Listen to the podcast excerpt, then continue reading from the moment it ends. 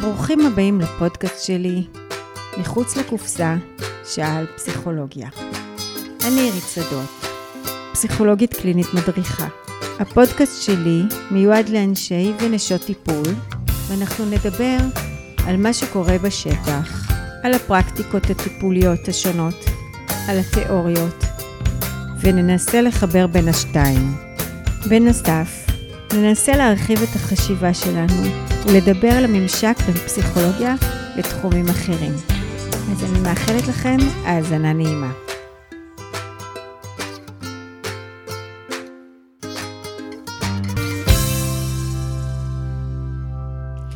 אז היי, היום אנחנו נדבר על טיפול מיני, ומתארחת אצלי אנדי איפרגן, עובדת סוציאלית, פסיכותרפיסטית, מדריכה ומטפלת מינית מוסמכת.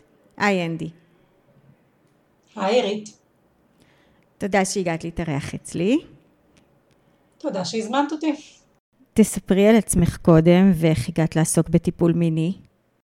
אז אני בעצם אה, הרבה שנים רציתי ללמוד טיפול מיני ומכל מיני אה, סיבות אה, זה לא קרה, אני איך שסיימתי את הלימודים של עבודה סוציאלית הלכתי להיות קב"נית ושם בעיקר עסקתי בתחום של טראומה, גם טראומה כתוצאה מלחימה כי הייתי ביחידות לוחמות וגם יום בשבוע טיפלתי מטעם מה שהיום נקרא מהות, אז היה אה, או סכן, אז טיפלתי בדרום בחיילות שעברו אה, טראומה מינית גם אה, מורכבת, זאת אומרת קומפלקס PTSD וגם טראומה בודדת, אונס, ובעצם, ואחר כך התגלגלתי לעוד כל מיני מקומות עבודה שאיכשהו הטיפול המיני היה תמיד במחשבה אבל לא הגיע לכדי ביצוע.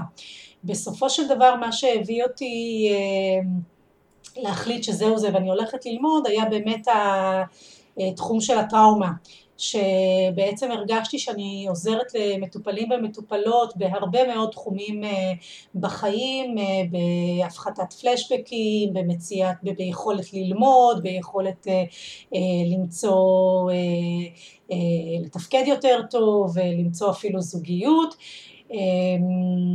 פחות עוררות יתר, כל הסימפטומטולוגיה הפוסט-טראומטית בעצם מאוד השתפרה ואפילו גם בקומפלקסיות ראיתי ששינוי לטובה מבחינת הוויסות הרגשי ומבחינת היכולת שלהם להיות אה, בקשר עם עצמם, פחות דיסוציאציות אבל בתחום של הטיפול, של החלק של המיניות כשלתי כישלון אה, חרוץ ולא כל כך אה, יכולתי לעזור להם ומצאתי את עצמי פעם אה, אחרי פעם מפנה החוצה למטפלות מיניות ואני גם גרה באזור באר שבע ואצלנו אנחנו לא בדיוק משופעים מטפלים באופן כללי אבל מטפלים מיניים עוד פחות ועד שאמרתי טוב זהו אני, אני בעצם הולכת ל, ללמוד את התחום כדי לעזור uh, לאותם אנשים עם הפוסט טראומה לשפר את ה, גם את התחום של התפקוד המיני. כמובן שמאז שהתחלתי ללמוד מן הסתם זה לא, אני לא עוסקת רק בטראומה אני חש...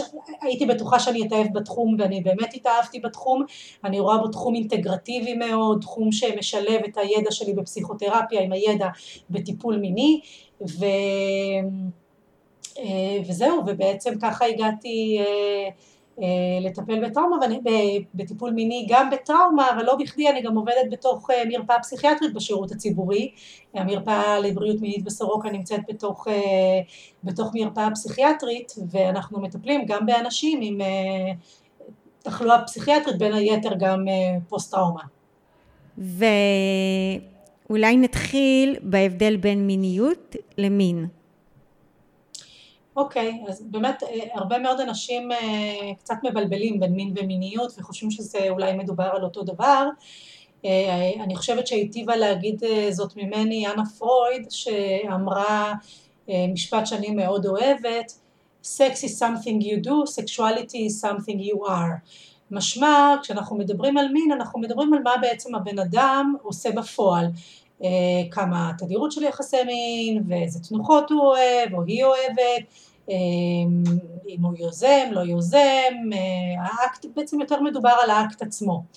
וכשאנחנו מדברים על מיניות אנחנו מדברים על משהו הרבה הרבה יותר אה, סובייקטיבי, שזה אומר אה, לא רק מה אני עושה, אלא מה המחשבות שלי בקשר לזה, ומה הרגשות שלי בקשר לזה, ומה העכבות שלי בקשר לזה.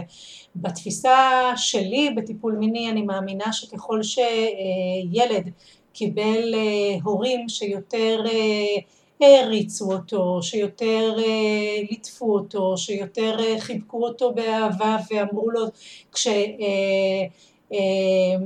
אמרו לגוף שלו כמה שהוא יפה והתפעלו ממנו מכל דבר שהוא עשה, הסיכוי שלו למיניות טובה בהיותו בוגר היא הרבה יותר גבוהה. הורים ביקורתיים, הורים שאולי יצרו מתוך הצרכים שלהם ילד עם פול סלף, הרבה פעמים ייצרו מיניות שהיא פחות מוצלחת, אולי יותר טכנית, יותר ביצועית, יותר צורך אולי להשלים, אבל יהיה קושי גדול להיות באינטימיות, ואם עשית כבר באמת הפרדה בין מין ומיניות, אני אעשה עוד הפרדה, הפרדה בין מין למיניות, לאינטימיות מינית, שהיא היכולת גם להיות לבד בנוכחות האחר במיניות, להיות מסוגל קצת להיפרד וקצת להתמזג באותו, באותו אקט עצמו. ככל שיש לנו את היכולת הזאת יותר בתוכנו, אנחנו גם מסוגלים לעשות אותה יותר ביחסי מין. אז רציתי לשאול רגע, את הזכרת עכשיו את המיניות, אמרת מיניות טובה, מיניות מוצלחת, ודיברת על אינטימיות, תסבירי את זה קצת יותר, מה זה מיניות טובה, מוצלחת, לעומת מיניות לא טובה או לא מוצלחת? אוקיי, okay, כשאני מדברת על מיניות טובה, אני מדברת על מיניות שבה יש חופש בחירה, שבה יש, אם נתחיל רגע מהגוף, שבטיפול מיני הוא בילד אין, אי אפשר לעבוד בלי הגוף, סיבת הפנייה של האנשים בדרך כלל היא סימפטום גופני, אולי נדבר על זה בהמשך, אבל uh, הגוף של המטופל, uh, עד כמה הבן אדם, עזבי מטופל, עד כמה הבן אדם מרגיש בנוח עם הגוף שלו, עד כמה uh, הוא מסתכל על הגוף שלו ואומר, אני יצור מיני, אני יצור ש... מותר להימשך אליו. אני רואה מטופלות בקליניקה, לצערי הרב זה בעיקר מטופלות שבאות ואומרות אי אפשר להימשך לדבר כזה. כי המסר שעבר אליהם דרך ההורים, דרך החברה, זה שאולי שומן זה לא דבר טוב, ושאולי הבטן הרופסת היא לא משהו. במיניות טובה למשל, אישה אחרי שלוש לידות תסתכל עדיין על הגוף שלה ותגיד וואלה נכון יש לי פנסים של קיסרי או stretch marks ואני עדיין ראויה לאהבה ולמיניות אה, טובה. מישהי שמסתכלת דרך עיניים של performance, של, של, אה, של הצורה החיצונית שלי תהיה מאוד עסוקה בזמן סקס, ב, אה, אני יכולה להיות רק בתנוחה כזאת אבל בתנוחה כזאת אחרת יראו לי את החזה נופל למטה וזה לא נראה אסתטי ובמקום להיות במקום רגוע ושלו עם הגוף שלי, אני כל הזמן עסוקה במה בן הזוג או בת הזוג יחשבו על איך שהגוף שלי מתנהל בתוך המיניות. אני הרבה פחות פתוחה, משוחררת. דבר נוסף, כמה יש לי צורך בשליטה. הרבה פעמים בסקס קורים דברים שבחיים בחוץ לא היינו מקבלים אותם, כמו זהה מול זהה ואולי איזשהו גרפס או רחמנא ליצלן גם יוצא איזושהי נפיחה שדברים שאנחנו אם אנחנו יש לנו מיניות טובה עם בן או בת הזוג אז אנחנו גם מסוגלים לצחוק עליהם ולהגיד אופס התפלק לי ולהמשיך הלאה. יש נשים למשל שלא מסוגלות אה, אה, ש... לעשות סקס אם הן לא אה, מגולחות למשעי. אם הם עם הרגליים שלהם יש להם שתי שערות אז אוי ואבוי כבר מה בן הזוג יגיד ולצערי הרב אנחנו לא מדברים רק על נשים שהן תגידי לא במבנה הגוף הראוי כאילו בנות מלאות או בנות שעירות גם בנות שאני מסתכלת עליהן כמטפלת כבן אדם ואני אומרת על מה היא מדברת בכלל זאת בחורה יפהפייה בחורה מושכת בחורה לא מבינה על מה היא מדברת והיא מסתכלת עליי ואני שואלת אותה תגידי אחד הדברים שאנחנו שואלים בטיפול מיני זה מה את אוהבת בגוף שלך? והיא אומרת לי האף שלי בסדר מה לגבי כל השאר? מדרג עיניים גדולות מדי ויש לי פה קמטי אה, אה, מתיחה ואני גבוהה מדי, שמנה מדי, רזה מדי, עצובה מדי, לא יודעת, מה שאת רוצה והן לא מסוגלות להיות בחוויה של מיניות מיטיבה, טובה, אוהבת, אה, כאילו רק אנשים יפים ראויים לחום ואהבה. זה מקום אחד. מקום שני זה כמה אני מפרשת יחסי מין כמקום של קשר. זאת אומרת כמה אני עסוקה כל הזמן ואם עכשיו הוא לא רוצה יחסי מין זה אומר שהוא לא אוהב אותי או היא לא אוהבת אותי או, או בעצם יש איזושהי הקבלה בין מספר הפעמים שהיא מקיימת איתי יחסי מין לכמה היא אוהבת אותי ואם היא מסרבת לי אז היא לא אוהבת אותי וחוסר יכולת לראות שאולי היא לא רוצה אותי כי היא במחזור או היא לא רוצה אותי כי עכשיו הילדים רק נרדמו והיא מתה עכשיו לישון אחרי שהיא לא ישנה כל הלילה אה, או שהיא חזרה ממשמרת בעבודה וסתם אין לה כוח אליי. זאת אומרת לראות את המיניות הבריאה היא בתוך קונטקסט אה, ולכן יש הרבה חבר'ה צעירים שפונים אה, שבאים דווקא מתוך זוגיות. חבר'ה יותר ויותר אנחנו רואים חבר'ה צעירים שפונים עוד לפני החתונה בכלל ועזבי את החתונה כמקום קונקרטי של, של חופה וקידושין אני מדברת על הסכם להיות ביחד ארוך טווח, אה, לטבעת אין משמעות פה, אבל הם באים כשבעצם אומרים מה, אם אף בת, קודם, בת זוג קודמת זה בחיים לא עמד, לא קרה לי, אם אף בן זוג אה, קודם לא היה לי כזה, ואנחנו מבינים שבעצם מה שהם ידעו לעשות, הם ידעו לעשות מין, הם ידעו לעשות סקס, אני יכולה לתת לך דוגמה של זוג שהיא הייתה אה, בתולה והוא היה אחרי מיליון ואחד סטוצים, מבחינתי שניהם בתולים רגשית באותה מידה כי הוא לא יודע להיות באינטימיות. תחשבי רגע על סטוץ, בסטוץ הצד השני לא ממש מעניין אותי. מעניין אותי אה, איך אני מתפקד ואם אני כובש ואין הרבה משחק מקדים, מה שקוראים, שאגב זה קצת אה, אה, מינוח שגוי, כי משחק מקדים מניח שבעצם יש משהו שבא לפני החדירה, החדירה זאת המנה העיקרית וכל מה שבא לפני כן זה סתם נועד לעשות פיקנטריה לחדירה עצמה, שזה עוד אה, עוד, אה, עוד נושא שאפשר לדבר עליו אה, הרבה. אגב המונח כשלעצמו הוא התחיל בטוב, אולי אני קצת סוטה מהנושא אבל אני אגיד שבעצם מי שהמציאה את המונח משחק מקדים הייתה הסקסולוגית רות וסטהיימר שאני מניחה שרוב האנשים שמעו עליה ואם לא אז ביהודים באים עשו עליה אחלה פרודיה שהיא בעצם ניסתה להסביר לגברים, לגברים שהם צריכים קצת יותר להשקיע באישה לפני שהם חודרים ואז היא המציאה את המונח הזה פורפליי אה, אבל אה, יש בו קצת החמצה כי בעצם הוא מניח שכל שאר הדברים הם לא, הם לא סקס אה, אלא הם משהו שבא לפני המנה העיקרית היום, עוד פעם, אני מסתכלת על מיניות כמשהו הרבה יותר עגול עם הרבה מאוד מנות קטנות בבופה שאפשר לאכול מהרבה מאוד מנות ולא צריך להיתקע דווקא למנה העיקרית. אמ, התחלת להגיד שעל ההבדל בין מין למיניות בהקשר, לאינטימיות סליחה, שדיברת נכון. על זה ששניהם הגיעו בתולים רגשית, זאת אומרת היא הייתה בתולה ממש והוא היה בעצם אה, עם, עם עבר של סטוצים בלבד, אז, ואז הגענו למשחק המקדים, אז רגע בואי נחזור לזה. אוקיי, okay, אז אני אומרת, כשאני מדברת על זוג שהוא בעצם, אה, עוד פעם, על הזוג הספציפי הזה, ששניהם הם בתולים רגשית, אני אומרת שבעצם שניהם לא יודעים להיות באינטימיות מינית, או באינטימיות בכלל, זאת אומרת, זה זוג אה, שנמצא שנים ביחד, אין ביניהם יחסי מין, עכשיו תחשבי רגע, איזה זוג רוצה להיות במקום כזה של, אה, של אין בכלל אה, יחסי מין במשך אה, שלוש שנים או ארבע שנים, הם הגיעו אליי אחרי בערך שלוש שנים, שבעצם הם שניהם אנשים בני 27, זאת אומרת הם ביחד מגיל 24, ולא קורה כלום. והם באים כי הם חושבים על חתונה, אבל הם מבינים שמיניות זה דבר חשוב. ואף אחד מהם לא יודע להיות באינטימיות.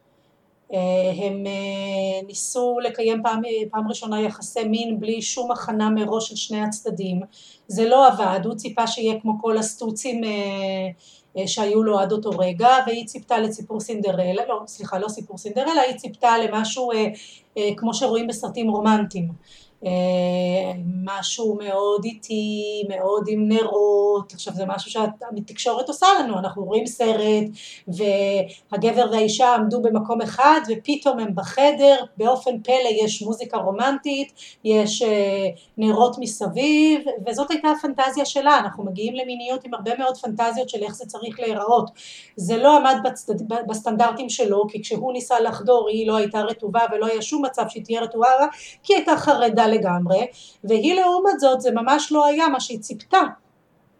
ומה שקרה זה שהם פשוט הלכו והתייאשו ולא לא קיימו יחסי מין בכלל והם הגיעו מבחינתם באיזשהו מקום של לבוא להציל את הזוגיות הזאת כי הם היו חברים טובים, היו להם דברים משותפים ביחד, הם שניהם אהבו מאוד הרבה דברים משותפים, הם באמת נהנו זה מחברתה של זו, אבל, אבל הם הבינו שכדי להמשיך להיות ביחד הם גם זקוקים כנראה למיניות. Mm-hmm. אבל המיניות היא לא האישו, האינטימיות היא האישו. כמה אני מסוגל להיות באינטימיות, קודם כל עוד בכלל להיות באינטימיות מינית, אלא להיות באינטימיות. במקרה הזה הזוג הזה יחסית עוד היה ב- ביכולת להיות אינטימית, אנחנו רואים זוגות, אגב אנחנו רואים הרבה פעמים זוגות שיודעים להיות מצוין באינטימיות רגשית, אבל הם לא יכולים להיות באינטימיות מינית. את ההפך אנחנו לא רואים. שת, אנחנו... שתגדירי את זה טיפה. תראי, אינטימיות רגשית הכוונה לחלוק, להיות אחד בשביל השני בעת צרה, אה, לבוא הביתה ו- ולספר מה היה לי ביום ולקבל תמיכה מבן או בת הזוג על מה שקרה לי, להיות מסוגל לספר דברים שהם אה, קצת פחות נעימים אולי, היום הייתה לי פדיחה בעבודה ואולי עשיתי משהו לא בסדר ורע לי, מר לי, עצוב לי אה, וזה יש זוגות שעושים מצוין אבל כשזה מגיע למיטה היכולת הזאת, המיניות או היכולת להיות באינטימיות מינית מכל מיני סיבות, חלקה מתוך אה, תפיסות לגבי באמת מה צריך להיות במיטה, חלקה מכל מיני קונפליקטים לא מעובדים בזוגיות שלמרות שיש אינטימיות יחסית טובה הם לא דוברו. את ההפך אנחנו לא נראה, זאת אומרת לא יהיה כמעט אף זוג, או בעצם אני יכולה להגיד אפס, מספר הזוגות שיגיעו אליי כשהמוקד המיני הוא סבבה והמוקד הזוגי הוא על הפנים. אני גם אגיד בכוכבית שאני מטפלת מינית אז יכול להיות שלא באים אליי אם אין בעיות במיניות אבל אני יכולה גם לשאול את חבריי המטפלים הזוגיים ואני חושבת שהם יגידו בדיוק את אותו דבר לא נראה אף זוג שמיניותו מצוינת אה, והזוגיות על הפנים. Mm-hmm. בעצם באינטימיות המינית את מדברת על uh, תקשורת גם, גם בעצם כן, במיטה. כן, mm-hmm. למשל אני יכולה להגיד לך לתוך דוגמה uh, זוג שאני רואה אותם, והם זוג בני חמישים, uh, ו... ואני שואלת על הפרקטיקות המיניות כי זה חלק ממה שאנחנו עושים בטיפול מיני ואני שואלת על, על אם יש מין אוראלי ואז הוא אומר לא לא היא לא אוהבת שאני יורד לה אני אשתמש קצת במילים בוטות כאן, אני, אם, אם זה too much אז תגידי לי בבקשה, אה, אני לא אוהבת, ש... היא לא אוהבת שאני יורד לה. ואז מסתבר, ואז היא פתאום משפריצה עליו, היא אומרת לו, אבל אתה לא עושה את זה טוב. אז למה אף פעם לא אמרת לי? כי זה לא נעים להגיד לך, מה אתה תיעלב? תראו, תראי כמה לופים יש פה של איזשהו משחק בין הוא הניח שבגלל שהיא כל הזמן מזיזה לו את הראש אז הוא, היא לא אוהבת, היא לא נעים לה ממנו כי אז היא אמרה היא הפילה את זה על עצמה אני לא אוהבת שעושים לי אה, מין אוראלי ואז בעצם בטיפול יוצא כל מיני דברים אה, אנשים לא מדברים על מיניות, מה נעים לי, מה לא נעים לי, כאילו לא נעים, איך אני אגיד לו שזה מה שאני רוצה, או איך אני אגיד לה. עוד משהו שיש הרבה מאוד זוגות, גם בקשר זוגי, גם בטיפול זוגי רגיל, אבל גם בטיפול זוגי מיני, איזושהי שאיפה או מחשבה שבן הזוג צריך להבין אותי ללא מילים. אה, שזאת אה, שאיפה קצת ינקותית, שכמו שאימא מבינה אותי בלי שאני אגיד שום דבר, אז גם בן או בת הזוג שלי צריכים באופן קוסמי להחזיק איזה כדור בדולח בראש עם אה, קורא מחשבות, ושם אני אמור לדעת איך היא מרגישה בכל רגע נתון. ואחד הדברים שאנחנו עושים גם בטיפול מיני זה גם מסבירים את זה שאנחנו באמת, אנחנו בלי תקשורת הדברים אה, אה, לא יעבדו. אה, אה, או למשל אה, אה, דוגמה אחרת של אה, זוג ששוכב בחושך ואנחנו לא, לא יודעים למה, זאת אומרת, הוא, היא אומרת הוא אוהב בחושך אה, ואז אנחנו שואלים אותו אתה אוהב בחושך? אז הוא אומר לא אני בעצם אוהב באור אבל חשבתי שהיא מתביישת אז היא תרצה חושך.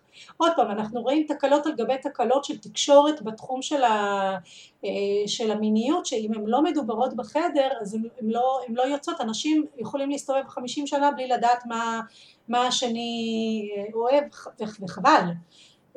כי אפשר לשפר מאוד בקלות כש, כשזה הנושאים המדוברים אפשר לשפר בקלות את, ה, את המיניות אם רק אני לא אתבייש להגיד מה יש לי, מה הצרכים שלי מה הרצונות שלי. עכשיו יש גם פחד מה הצד השני יחשוב. אם אני אגיד למשל, יש זוגות שאם אני אגיד, אישה תבוא ותגיד, אני אוהבת מין אוראלי, אבל היא חושבת שמין אוראלי זה משהו מלוכלך ומגעיל, כי היא למדה את זה בבית, כי היא באה מבית עם אה, מחשבות, עם רקע מסורתי, מסורתי לא דווקא דתי במובן הדתי, אלא במובן הפוריטני נקרא לזה, אז אה, אז זה ישפיע גם על הפרקטיקה הזוגית המינית, או למשל מטופלת שאומרת, אימא שלי אמרה לי שאישה זה כמו אה, מטפחת לבנה, מספיק טיפה אחת אה, אדומה והיא מוכתמת כולה. אישה כזאת מגיעה למיניות ואומרת לעצמה, אוקיי, אני צריכה להיות הבתולה מריה במיניות. אני לא יכולה להשתולל, אני לא יכולה ליזום, אני לא יכולה להגיד מה דעתי, כי אני אתפס כזנזונת, או כ, כ, כמו שאנחנו יודעים את הקדושה והקדשה, כאילו אז אני אתפס כקדשה וזה לא טוב. זאת אומרת יש המון המון הנחות יסוד שאנשים עושים, זה אפרופו מה זה מיניות, אנחנו באים ל, ל, ל, ל, למיטה עם המון המון אה, הגדים ששמענו במהלך השנים, גם מההורים, גם מקבוצת השווים, גם מעצמנו, לגבי מה זה מיניות, מה זה גוף מיני, אה, מה זה מחשבה מינית, מה מותר ומה אסור. זה מעניין, כי בדיוק בפרק הקודם אה, עם דוקטור רודי בוינשטיין בכלל על הנושא של חלומות, אז הוא דיבר על זה, על הפער הזה שקיים היום בין הפתיחות המאוד גדולה בנושא של אה, שאפשר להיות אה, טראנס ואפשר להיות בי ואפשר להיות כל מיני, לבין זה שהכל צריך להיות מאוד politically correct ואסור ל... המיטו היום, ושהכל צריך להיות ככה מאוד, שיש איזה פער כזה בין יש המון פערים בתחום הזה. אני מסכימה איתך. לעומת נגיד שנות ה-60, ה-70, שככה המיניות הייתה הרבה יותר בחוץ. אוקיי. אז אמ, בואי נדבר אולי על מהו טיפול מיני. אוקיי. אז, אז אני אשמח לעשות קצת איזשהו רקע היסטורי, איזשהו אה, ויש כזה על אה, איך התפתח הטיפול המיני, כי הטיפול המיני הוא תחום יחסית אה, צעיר. אה, של ה... כמה, 70 שנה האחרונות נקרא לזה, זאת אומרת אפשר ללכת קצת אחורה וללכת אה, אה, ללכת לפרויד, עד, עד בעצם עד שנות ה-60 בערך, בעצם כל הטיפול המיני היה כמו כל פסיכואנליזה אחרת, זאת אומרת אדם הגיע עם סימפטום מיני וכמו כל סימפטום אחר הוא נתפס כ... ביטוי לקונפליקט אה, והיה צריך לעבוד עליו ארבע פעמים בשבוע במשך חמש שנים ואז אולי הייתי מבינה למה אני, אה, אה, למה לא עומד לי. אני הייתי מבין, לא מבינה זה קצת בעייתי להגיד על לא עומד לי, אבל אני הייתי מבין למה לא עומד לי ובעצם מגיעים מאסטרס וג'ונסון, מאסטרס היה גינקולוג ג'ונסון הייתה קודם כל המזכירה שלו, אחר כך המאהבת שלו, אחר כך אה, פסיכולוגית, אחר כך גרושת אשתו, אחר כך גרושתו, אבל כל השנים הם בעצם המשיכו לעבוד ביחד ולהפיק אה, להפיק חומרים טיפוליים. הם הראשונים שבדקו מה קורה במעבדה, הם חיברו אנשים, גברים ונשים, בבודדת ובזוגות לאלקטרודות ובדקו מדדים פיזיולוגיים אה, של עוררות, של זקפה, של רגיעה. אה, הם המציאו אה, אפילו ביברטור שקראו לו יוליסס, שהוא היה ביברטור שקוף ופעם ראשונה בדק את האורגזמה הנשית מבפנים, מה קורה שם באמת, מי שבא לו לראות את הסקס של מאסטרס או Masters of Sex, את הסדרה, אני חושבת שהעונה הראשונה לפחות היא די נאמנה למקור. רק שהם לא היו כאלה יפים, זאת אומרת לפחות לא ג'ונסון, אפשר לראות תמונות. אה, והם בעצם, אה, הם עשו כמה דברים נורא חשובים. הם קודם כל הגדירו את מעגל התגובה המינית לראשונה, אה, הם הגדירו אותו כעוררות, פלטו, זאת אומרת השלב של ה... שכבר יש עוררות אבל לפני האורגזמה, אורגזמה ורזולושן, כאילו בעצם הרזולושן זה השלב שבו הכל חוזר לקדמותו. אה, הם קבעו אה, עשרה תרגילים התנהגותיים שאנחנו משתמשים בהם עד היום בעצם בכולם. אה, לחלקם לפחות חלק מאיתנו גם שופכים עליו נופחים יותר דינמיים אבל התרגילים כשלעצמם היו תרגילים התנהגותיים קוגניטיביים שחלקם נועדו ליחידים וחלקם נועדו לזוגות שמטרתם היה בעצם להיפטר מסימפטום מיני כמו, כמו שפיכה מוקדמת או קושי בשפיכה או מה שאז קראו אנאורגזמה, זאת אומרת אישה שלא מגיעה לאורגזמה, היום אנחנו קוראים לזה פרה-אורגזמה מתוך מחשבה שזה יותר, יותר אופטימי זאת אומרת אין אישה כמעט שלא מסוגלת לחוות אורגזמה אלא אם כן יש לה תחלואה פיזית כמו סרטן, טרשת נפוצה או אה, מחלות אה, באמת קשות אז אה, בעצם הם, אה, הם הגדירו סדרה של תרגילים שעוזרת אה, לטפל בסימפטומים האלה. עוד דבר שהם עשו, הם פעם ראשונה הגדירו הבדל בין סימפטום ראשוני לבין סימפטום משני. מה הכוונה? סימפטום ראשוני זה סימפטום שהיה שם מאז ומתמיד. למשל, אישה עם וגיניסמוס, וגיניסמוס זה חוסר, אה, זה בעצם היצרות אה, של שרירי אה, רצפת האגן של הנרתיק בצורה שלא לא מאפשרת חדירה, זה בעצם סימפטום של חרדה, הנרתיק מתכווץ כל פעם שבא פין לחדור אליו. אז סימפטום ראשוני זאת תהיה אישה שאפילו קונדומים אם היא לא השתמשה, שהיא לא מסוגלת אפילו להחדיר אצבע, ו, וקל וחומר לא את איבר המין של בן הזוג. אה, סימפטום משני יהיה למשל אישה שהמיניות שלה הייתה תקינה והכל היה בסדר והיו יחסי מין מלאים ואז היא נאנסה וכאחת מהסימפטומים שהיא פיתחה לאחר האונס היה וגיניסמוס כי בעצם החוסר חוסר יכולת של הפים להיכנס היא דרך להימנע מיחסי מין ואולי מחודרנות או מדיסוציאציה שתגיע אם וכאשר יהיו יחסי מין. אז זה למשל הבדל בין סימפטום ראשוני או משני. או למשל גבר, סימפטום ניקח גם גבר אחד שיהיה לנו למשל גבר שיש לו שפיכה מוקדמת, יכול להיות שכשהוא מאונן אין לו שפיכה מוקדמת, אבל כשהוא עם בת הזוג הוא נורא נורא מתרגש, הוא נורא רוצה אה, אה, נורא רוצה כבר להיכנס ולחוות את האורגזמה ואז הוא שופך. או למשל גבר אולי יותר אפילו אה, יכול להיות אה, שכיח לא באמת שלא הם שכיחים שניהם שכיחים שיש לו בעיה בזקפה. אז למשל גבר בעיית זקפה הכי ידועה זה חרדת ביצוע אז אנחנו נראה גבר שבאוננות אין לו שום בעיה יש לו זקפת פוקר תקינה לחלוטין והוא מאונן להנאתו ומגיע לאורגזמה בצורה מוצלחת וטובה מבחינתו אבל כשהוא מגיע לבת הזוג זה לא עובד. זה סימפטום אה, אה, משני. אה, זה אגב יותר, יותר היום אנחנו מגדירים אותו כסימפטום מצבי, במצב א' כן, במצב א' לא. אז יש לנו בעצם סימפטום ראשוני ומשני, ומשני מול מצבי. בהמשך, אם אנחנו מסיימים את מאסטרס וג'ונסון בשנת 70 ו... 76 אם אני לא טועה, או 74, מגיעה אלן זינגר קפלן, אלן זינגר קפלן יש לה יתרון גדול, היא גם פסיכולוגית וגם פסיכיאטרית, היא עשתה הסבה, אז היא בעצם פעם ראשונה שמדברת על הפרעות חשק, והיא מוסיפה למעגל התגובה המיני את החשק, זאת אומרת מאסטרס וג'ונסון דיברו רק על עוררות, הם התעלמו או הם לא חשבו אז על זה שבשביל בכלל שתהיה עוררות גם צריך להיות שלב מקדים של רוצה אני, של אני רוצה עכשיו לקיים יחסי מין. והיא פעם ראשונה עשתה את ההבדלה בין בעצם טיפול קצר מועד של מאסטרס וג'ונסון לבין בעיות חשק שהיא טענה שלא ניתן לטפל בהפרעות חשק בטיפול קצר מועד התנהגותי קוגניטיבי אלא שזה דברים יותר רגשיים. עכשיו זה נכון שהפרעות חשק היום אנחנו יודעים שיש להם גם אה, סיבות שונות והן לא רק רגשיות כמו טיפול תרופתי פסיכיאטרי וכמו דיכאון וכמו עוד הרבה דברים אבל אה, זאת התוספת שהיא הכניסה. מהפכה בטיפול המיני נגיד הקונבנציונלי קורית בשנות ה-80 עם המצאת הוויאגרה שבעצם מביאה אה, בשורה להרבה מאוד אה, גברים שעד אותו רגע היו אה, עם קשיים בזקפה בעצם הוויאגרה בכלל היא תוכננה כתרופה ליתר לחץ דם וכשנגמר הניסוי, לא כל כך עבדה על לחץ דם, אבל כשנגמר הניסוי והציעו לאנשים להפסיק, הם אמרו לא, לא, לא, אנחנו דווקא בעד להמשיך.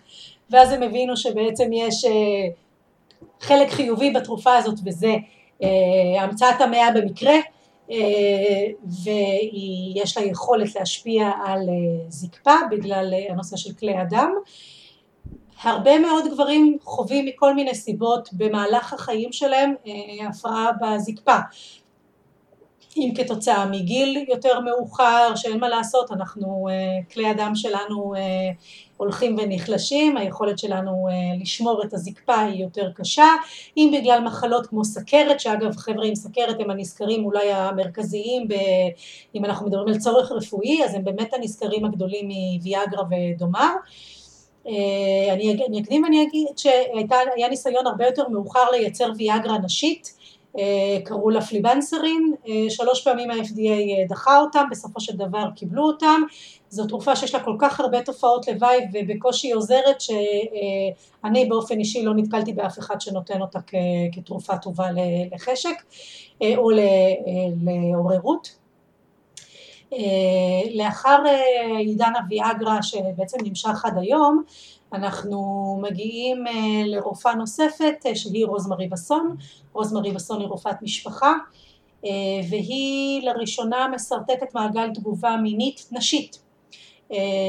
למרות שכשהייתי בהרצאה שלה לפני כמה זמן היא גם אמרה שזה עובד על גברים אבל לפחות זה נקרא Female Sexual Cycle ובעצם מדבר על זה שנשים הן שונות מגברים במובן הזה שהסיבות שלנו הנשים להיכנס למיניות או ליחסי מין היא שונה מאשר של גברים. אנחנו נכנסות למיניות מתוך רצון לאינטימיות, מתוך רצון לקרבה, מתוך רצון לקשר ולאו דווקא מתוך זה שאנחנו קמנו חרמניות. ובעצם המעגל בנוי ככה ש מצד אחד יש מה שהיא קוראת נכונות להיכנס למצב המיני, זאת אומרת יש לי איזשהו רצון, אני בעצם מזמין מצב ניטרלי, זאת אומרת אני לא נגד, אני לא בעד, אבל בהינתן גירוי מתאים, הגירוי יכול להיות בעלי חזר הביתה והוא חיבק אותי ואמר כמה הוא אוהב אותי, הגירוי יכול להיות אני חזרתי הביתה והילדים היו כבר מקולחים והכלים בכיור שטופים ואמרתי לעצמי יא באיזה גבר נפלא זכיתי, הגירוי יכול להיות סתם ישיבה מול הטלוויזיה לראות איזה סדרה מפגרת בנטפליקס והוא פתאום התחיל ללטף לי את הרגל ואני רוצה לזרום עם זה. וברגע שאני כבר במוד חיובי ויש את הגירוי המתאים אז תהיה עוררות גם פיזיולוגית, גם פסיכולוגית, גם המצב הקוגניטיבי שלי יהיה בעד, המצב הקוגניטיבי והרגשי יהיה בעד להיכנס ליחסי מין, המערכת המינית תתעורר, יהיו יחסי מין ואם הם יהיו טובים זה בעצם חוזר לתחילת המעגל, תהיה לי יותר מוטיבציה בפעם הבאה בהינתן שיש גירוי מתאים להיכנס שוב לסייקל הזה של מעגל מיניות חיובי.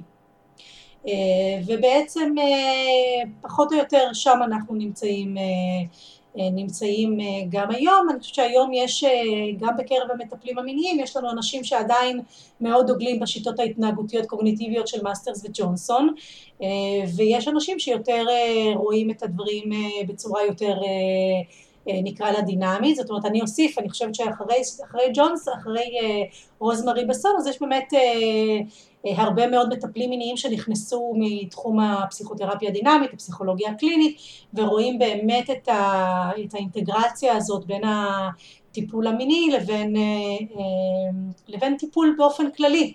יש תיאורטיקן בשם לוין שאמר שבעצם פסיכותרפיה מינית היא פשוט פסיכותרפיה ש... ומדריכתי מיכל ניר נוהגת להגיד שבעצם ההבדל המרכזי זה שבעצם כרטיס הכניסה לטיפול פסיכותרפיה מינית הוא פשוט הסימפטום המיני ושלפעמים הרבה יותר קל להיכנס דרך הגוף ולתת לנו את המיניות מאשר את הנפש. אני די מסכימה איתה, אפילו מאוד מסכימה איתה. אז זה על רגל אחת ההיסטוריה של, ה, של הטיפול המיני עד היום. אחד הדברים שאולי חשוב להגיד על הטיפול המיני זה שאנחנו מקצוע מולטי דיסציפלינרי. ולפעמים גם שיטת הטיפול נגזרת מתוך המקצועות השונים שמהם באים האנשים לטיפול מיני. יש אנשים, יש לנו רופאים שלרוב, אני יכולה להגיד המקצועות המרכזיים זה גינקולוגיות, אורולוגים, פסיכיאטרים, רופאי משפחה ורופאי שיקום זה המקצועות המרכזיים שנמשכים ולא בכדי, זאת אומרת אפשר להבין למה גינקולוגיה ואורולוגיה, בטח פסיכיאטריה, שיקום, שזה תחום שמאוד, אם אדם עובר משהו אז מן הסתם גם המיניות עוברת איזושהי פגיעה מצד שני יש לנו עובדים סוציאליים שגם הם נורא נבדלים בין, פסיכות... בין סיביטיסטים לבין מטפלים דינמיים, יש לנו קרימינולוגים שבאים, קרימינולוגים קליניים שבאים עם, דעה, עם מחשבות אולי קצת אחרות, מטפלים באומנויות כמו מטפלים בתנועה, מטפלים באומנות, פסיכולוגים קליניים כמובן, פסיכולוגים לא רק קליניים, גם שיקומיים, רפואיים, אז באמת... יש לי שאלה, מה שהתייחסת לקפלן בהקשר הנשי. לא, זה, זה, זה, זה בסון. רוזמרי בסון. הן שתיהן רופאות, אבל רוזמרי בסון דיברה על מעגל התגובה המינית הנשי. אה, אוקיי. אז, אה, אז יש לי שאלה בקשר לבסון למעגל התגובה המינית של נשים. דיברת על הגברים שהם קמים חרמנים, אבל גם נשים אה, בתקופת הפוריות, אה, הפריון, אז בעצם נגיד לפני ביוץ, אחרי מחזור ועד שמבשיל לקראת ביוץ, גם יש יותר עוררות מינית. נכון. אני לא חושבת שבסון התכוונה להגיד שנשים לא חרמניות. אני לא חושבת שהיא ניסתה לשלול את זה שיש גם חשק אה, לנשים. Uh, בהקשר הזה אני אגיד שגם גברים, אני חושבת שהיום התפיסה הזאת שגברים קמים חרמניים היא גם קצת פשטנית וחוטאת לגברים, כי היא, uh, זה לא שגבר קם כל בוקר ואמר אוקיי אני חייב עכשיו uh, סקס, זה לא שגברים לא מושפעים ממצבים רגשיים, זה לא שגברים לא מושפעים מאינטימיות ולכן אני חושבת שבתקופה האחרונה היא גם באמת אומרת ש... Uh, אה, שהמעגל הוא לא רק לנשים. אני אה, חושבת שכולנו יש לנו דברים שמעוררים אותנו ודברים שמדכאים אותנו מבחינה מינית. אה, גם גבר וגם אישה אם הם חזרו עכשיו עייפים אחרי יום עבודה מלא אז אולי הם לא ירצו עכשיו סקס גם אם יהיה נורא נפלא בבית. כי עכשיו הם עייפים והם יודעים שבבוקר הם צריכים לקום מוקדם לילדים ולמסגרות והם לא רוצים לישון עכשיו ארבע שעות שינה. אני חושבת שאחד הדברים גם שאנחנו עושים בטיפול אה, מיני זה גם מבררים מה אותם, אותם מדכאים ואותם מעוררים. הרבה פעמים זוגות לא יודעים, גם אגב לפעמים הבן אדם לא יודע לעצמו מה מדכא אותו ומה מוריד לו. למשל אה, אישה יכולה לבוא ולהגיד שמה שמעורר אותה זה לראות את בעלה מרצה בפני קהל, הייתה לי גם מישהי כזאת, כי זה בעצם גורם לה להרגיש שבעלה הוא לא, כאילו, הוא לא רק הגבר שמגיע הביתה אלא יש לו כאילו זה פתאום משהו מסתורי כזה, איך אני מול קהל, איך, איך הוא מול קהל, איך הוא אה, מול אנשים שונים, אישה שיכולה לבוא ולהגיד אה, שעושה לה את זה, שבעלה מביא לה פרחים, סתם בנאליות. אה, גבר יכול להגיד שמה שעושה לו את זה זה אה, ניצחון בריב בעבודה. זאת אומרת, לא, המעוררים ומדכאים הם לאו דווקא קשורים למין, הם לאו דווקא קשורים לגוף, הם יכולים להיות uh, סרט אירוטי, uh, הם יכולים להיות פורנו, אבל אז יש לנו בעיות של פורנו שאולי ניגע בהם בהמשך, uh, הם יכולים להיות ספר אירוטי, יש הרבה מאוד נשים אגב שמאוד אוהבות uh, uh, ספרות אירוטית ובשנים האחרונות יש פריחה רבה של ספרות אירוטית נשים ואנחנו יודעים היום שגברים יותר צופים ונשים יותר קוראות וזה בסדר, אנחנו לא אותו דבר וזה יכול להיות אה, אה, דייט רומנטי וזה יכול להיות אה, גם דברים באמת לא קשורים למין. היום החמיאו לי על השמלה הנורא יפה שלבשתי וחזרתי הביתה והרגשתי מושכת ומינית. אני מתרגמת את זה אחר כך לאינטימיות הזוגית שלי. זאת אומרת המעגל באמת שהוא מדבר על הדברים שמה אני מוכנה אה, לקבל כרצפטור לגירוי מיני הוא יכול להיות כל מיני דברים וכנ"ל ההפך מה מוריד לי אה, כן. יש נשים, יש הרבה נשים שיגידו שריח דוחה, יש ריחות מסוימים שיכולים לדחות אותם ויש ריחות מסוימים ש... אה, שעושים להם את זה. אוקיי, אז אולי נדבר עכשיו על המשמעות של מיניות בתוך הזוגיות. דיברת על הזוג הזה שהגיעו בתולים. אז כן. בואי, וככה הרגישו ששלוש, ארבע שנים הם לא קיימו יחסי מין ומשהו לא בסדר. אז בעצם בואי נדבר על המשמעות של זה בזוגיות. אוקיי. אמ, מיניות הוא אספקט אחד מתוך זוגיות, הוא בטח לא המרכיב היחיד ויש זוגות שהמיניות היא יותר חשובה להם ויש זוגות שהמיניות אה, פחות חשובה להם, יש לי, היה לי זוג מטופלים שבסוף הטיפול המיניות הייתה בסדר, היא לא הייתה וואו והם אמרו שזה לא הדבר הכי חשוב, הדבר הכי חשוב זה שהם למדו לדבר אחד עם השנייה, שהם הבינו שהם שניהם לא אנשים אה, בעלי אה, ליבידו מאוד גבוה וזה לא מאוד מפריע להם ו... ו... וזה בסדר גמור לסיים טיפול אה, בתחושה שהם מסוגלים לקיים יחסי מין, כי הם גם לא, כמו הזוג הקודם, גם הזוג הזה לא היה מסוגל אה, לקיים יחסי מין, אבל אני חושבת שהרבה מאוד זוגות, אה, יש תפיסה ש... שמיניות זה חלק מזוגיות, אני חושבת שזה מחבר בין שני בני הזוג, או מפריד, תלוי אם האינטימיות המינית היא טובה או לא טובה. אה, זוג שהרבה אה, פעמים מה שאנחנו רואים זה שהם באים, אה, הזוג מגיע עם בעיה מינית אבל הרבה פעמים היא משקפת דברים אחרים לגמרי ואנחנו נכנסים באמת דרך דלת הכניסה הזאת של, ה, של הסימפטום המיני ומה קורה במיניות אנחנו נגלה שהרבה פעמים זה משקף מה קורה גם, גם מבחינה זוגית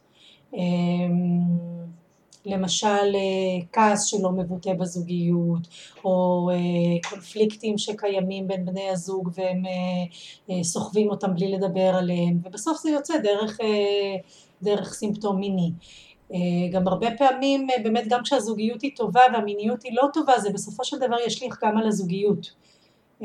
מכיוון שזה כשהזוגיות, כשהמיניות היא לא טובה הרבה פעמים זה יוצר משקעים, קונפליקטים, דברים לא מדוברים המיניות הופכת להיות לפעמים איזושהי זירה שלמשל אה, אה, יש לאישה הרבה כעסים על הבעל אז היא אה, כמו שאומרים לא תיתן לו. ודרך המין או דרך הימנעות ממין לא תהיה לא תהיה אינטימיות מינית. או למשל זוג הפוך שלכאורה שניהם מאוד רוצים ילדים אבל בפועל הוא לא ממש רוצה ילדים ואנחנו נראה אצלו שפיכה מעוכבת בעצם הוא לא יהיה מסוגל לשפוך בתוך הנרתיק אה, כשבעצם לכאורה הנה אני לא מסוגל אני נורא רוצה אבל אני כבר מפמפם פה עשרים דקות חצי שעה ושום דבר לא זז וברגע ש, אה, שהוא יוצא והוא מאונן הכל סבבה והוא גומר תוך שתי שניות. אז אלא אם כן זה משהו שבאמת מדובר על מישהו שרגיל לאונן בצורה מאוד מאוד חזקה ואחרת הוא לא גומר וגם על זה אפשר לעבוד אנחנו נראה הרבה פעמים קונפליקט לא מדובר בזוגיות סביב נושא ההורות ועם הזמן, בתוך זוגיות, לאורך שנים, אפשר לדבר על אה, שחיקה בנושא הזה? אז, אז תראי, זוג שאין לו מהמורות מיניות אה, זה כנראה זוג אה, לא טוב, לא יודעת. כי אין דבר כזה, אנחנו, אם הזוג הוא בתיאוריה מונוגמי וארוך טווח, אז יש גם תקופות במעגל החיים שבהם המיניות חובה מהמורות, כל אה, משבר התפתחותי טבעי ונורמלי בחיי הזוגיות יוצר גם שינויים במיניות. קחי זוג צעיר שפגש אחד את השני רק בסופי שבוע והייתה שם מיניות אה, סופר לוהטת ועכשיו הם עוברים לגור ביחד ועכשיו הוא רואה לה והיא רואה לו והם כל הזמן ביחד ופתאום הפערים מתגלים אבל בוא נניח שעברנו את השלב הזה בשלום והמיניות היא סבבה והזוג הזה מחליט להקים בית אה, גם אה, הולדת ילדים, כל הולדת ילד, האישה מן הסתם לא כל כך פנויה למיניות בתחילת הדרך, היא מאוד עסוקה במושקעות אמהית ראשונית, היא עסוקה בתינוק החמוד שלה והיא עסוקה ב... אה, אה, בלא לישון בלילה ואנחנו יודעים גם שהקשב של אישה אחרי לידה הוא עם, גם כשהיא בתוך המיניות אז יש לה אוזן אחת כרויה לבכי של תינוק עכשיו תחשבי מה זה עושה לעוררות המינית בעצם אני לא באמת בפנים וגם אם אני בפנים ושמעתי את הרעש הכי קטן גם אם התינוק לא באמת בכה זה כבר יכול להוריד לי את החשק המיני או את העוררות שכבר הייתה לי ולהפריע. אה, אם אנחנו ממשיכים דרך אה, אה, קשיים בהורות, לפעמים יש ילד עם צרכים יותר מיוחדים מאשר, ל... ואני עדיין ב... כאילו אני קצת רוצה להפריד בין משברים התפתחותיים רגילים למשברים אה, לא רגילים, אז בואי רגע נגמור את, ה, את המשברים ההתפתחותיים הרגילים, אז גם כשהילדים קטנים ולא ישנים בלילה, ויש, וזה בדיוק השלב שבו הזוג עסוק בבניית קריירה ובקניית בית ומשכנתה וכולי, דאגות כלכליות הן לא מתכון טוב לזוגיות, אה, למיניות אה, טובה, דאגה זה מפעיל לנו את המערכת הסימפתטית של הסטרס, זה לא כל כך עובד על מיניות. נמשיך עם עזיבת הילדים את הבית, לכאורה אפשר עכשיו לעשות מתי שרוצים, איך שרוצים, ואז הרבה פעמים אנחנו מגלים את הפערים בין בני זוג, שהרבה פעמים דרך הילדים קצת נמנעו, הפערים הזוגיים אני מדברת, ופתאום כשהילדים עזבו את הבית אני מוצאת את עצמי מול מישהו שאני לא כל כך אוהב, או לא כל כך מכיר, או זה לא בדיוק מה שדמיינתי לעצמי שיהיה כשנהיה עם הקן המתרוקן, אם אני מוסיפה עוד אה, אה, שלב אה, שהוא יכול לבוא במקביל, יכול לבוא לפני, אחרי, זה גיל המעבר. גיל המעבר יוצר שינויים הורמונליים, גם אצל נשים וגם אצל גברים, אצל אצלנו זה יותר, אצל הנשים זה יותר בולט, עם הפסקת הווסת וגלי החום וכל המתלווה לזה, אבל גם גברים אה, יש להם ירידה בטסטוסטרון לאורך השנים, אה, פתאום הדברים לא עובדים בדיוק כמו שצריך, האורגזמה היא כבר לא אותה אורגזמה, והתדירות היא לא אותה תדירות, וחלק מהזוגות בשלב הזה מוותרים ואומרים, איך אמר לי פעם זוג בני 52, אנחנו את שני את שלנו עשינו, עכשיו אני נבהלתי, אני בת 53, איפה אתם איפה אתם חיים חבר'ה, כאילו אה, בואו, אה, יש לכם עוד הרבה דרך, מבחינתי מיניות זה עד הקבר, אבל הם מבחינתם גידלנו את הילדים, הכל בסדר, וכשהסקס הוא למטרת רבייה ונגמר, אז אה, אנחנו חברים טובים וטוב לנו. אז, אבל זה עוד שלב התפתחותי, והגיל השלישי שיש לו את הקשיים שלו עם הדברים שלו.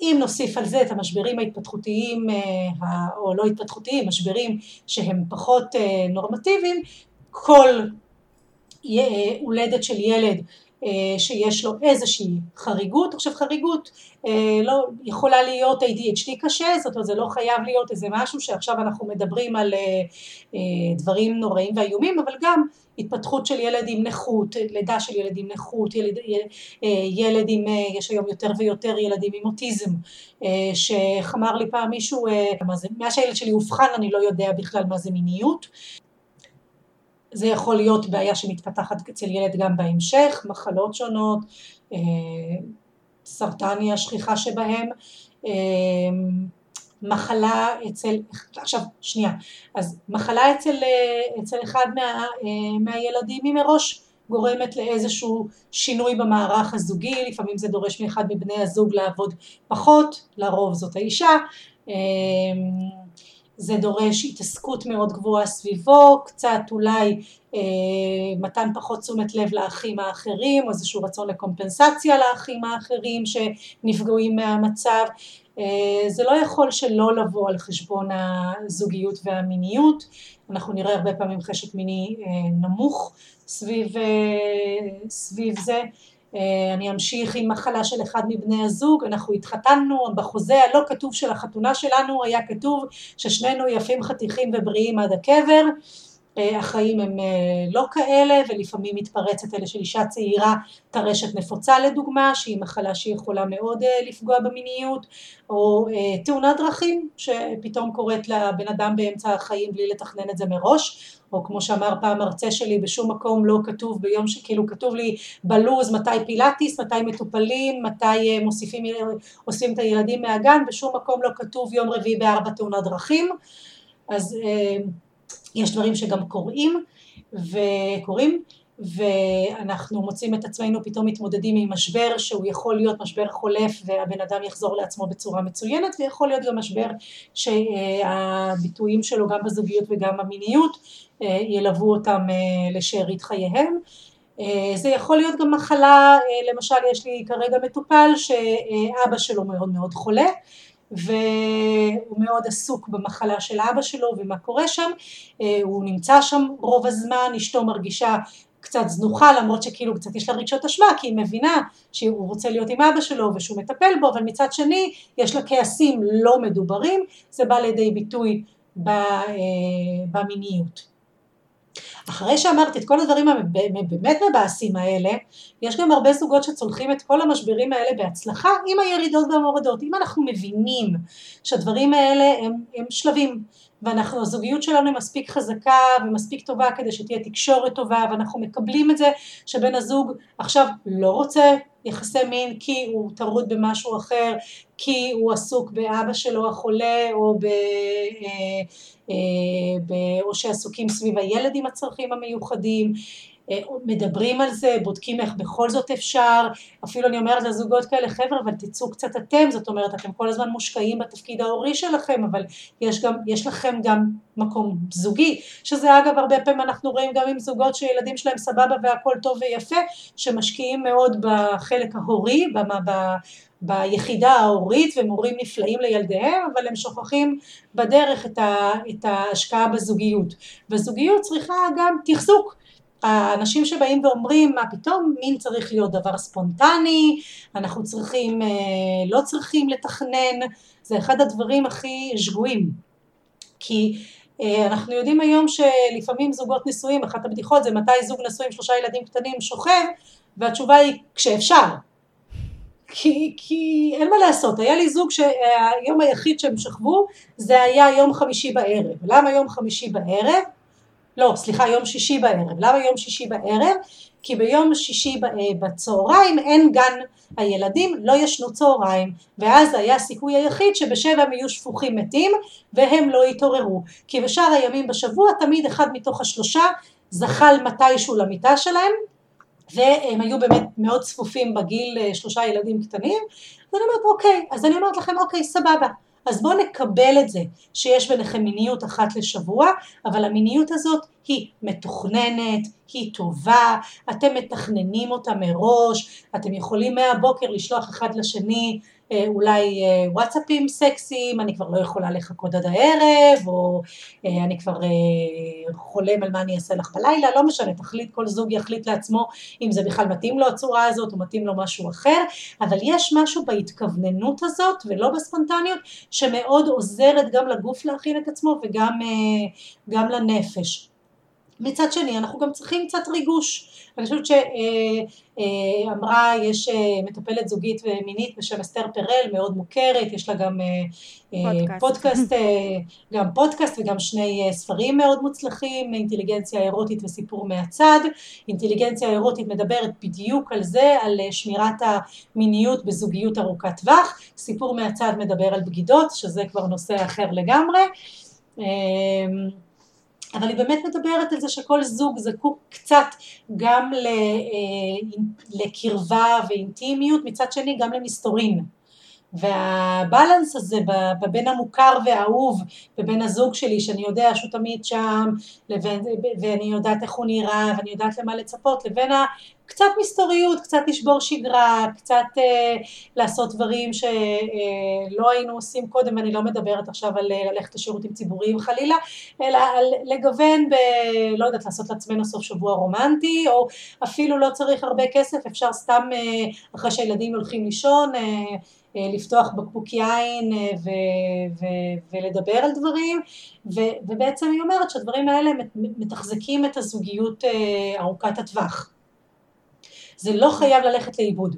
יש זוגות גם בני 60 ו-70, מישהו בן 70 בא אליי ואומר לי, את יודעת, מצאנו צעצוע מיני חדש, את לא מבינה איך זה שיפר לנו את המיניות. עכשיו, האיש בן 70, אבל הוא היה כל כך בהתלהבות מזה שהם גילו משהו שיעזור להם, זאת אומרת, זה כיף לראות אנשים כאלה, שבאמת המיניות, מיניות זה חיות. כן.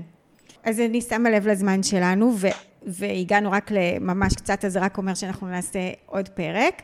אז ממש תודה, אנדי. בשמחה רבה. הזמן טס. נכון.